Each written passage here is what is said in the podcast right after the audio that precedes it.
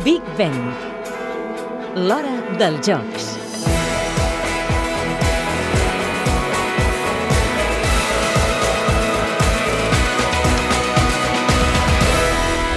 L'empresa catalana d'Aedo Internacional serà l'encarregada de fabricar els petos protectors per la competició de taekwondo dels Jocs Olímpics de Londres. Sandra Park és la responsable de màrqueting de d'Aedo. Nosaltres érem una de les marques homologades per la Federació Mundial i hi havia una altra marca també. Aleshores, Swiss Timing, o Omega, que és l'empresa que s'encarrega de, del timing i el scoring dels Jocs Olímpics, va haver de decidir entre les dues empreses basant-se en termes més tecnològics, diguem. I aleshores van estar avaluant els dos sistemes durant uns quants mesos i al final van decidir doncs, optar pel nostre perquè bueno, van considerar que tecnològicament era, era millor. I com són realment aquests nous petos protectors? La revolució, diguem, d'aquest sistema és que ja no només es depèn de, de l'ull humà. Hi ha moltes tècniques o patades que potser no es veuen bé i els àrbitres no poden puntuar correctament.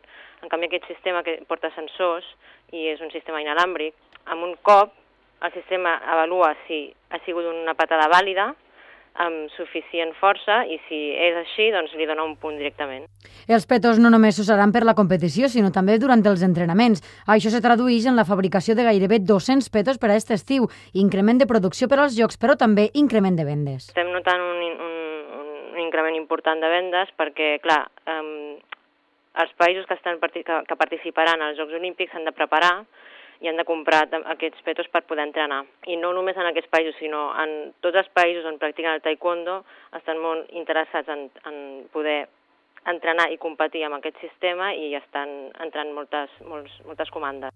Daedo Internacional es va fundar l'any 1983 i ja va ser proveïdor oficial de material de taekwondo en els Jocs de Barcelona 92 i Pequín 2008.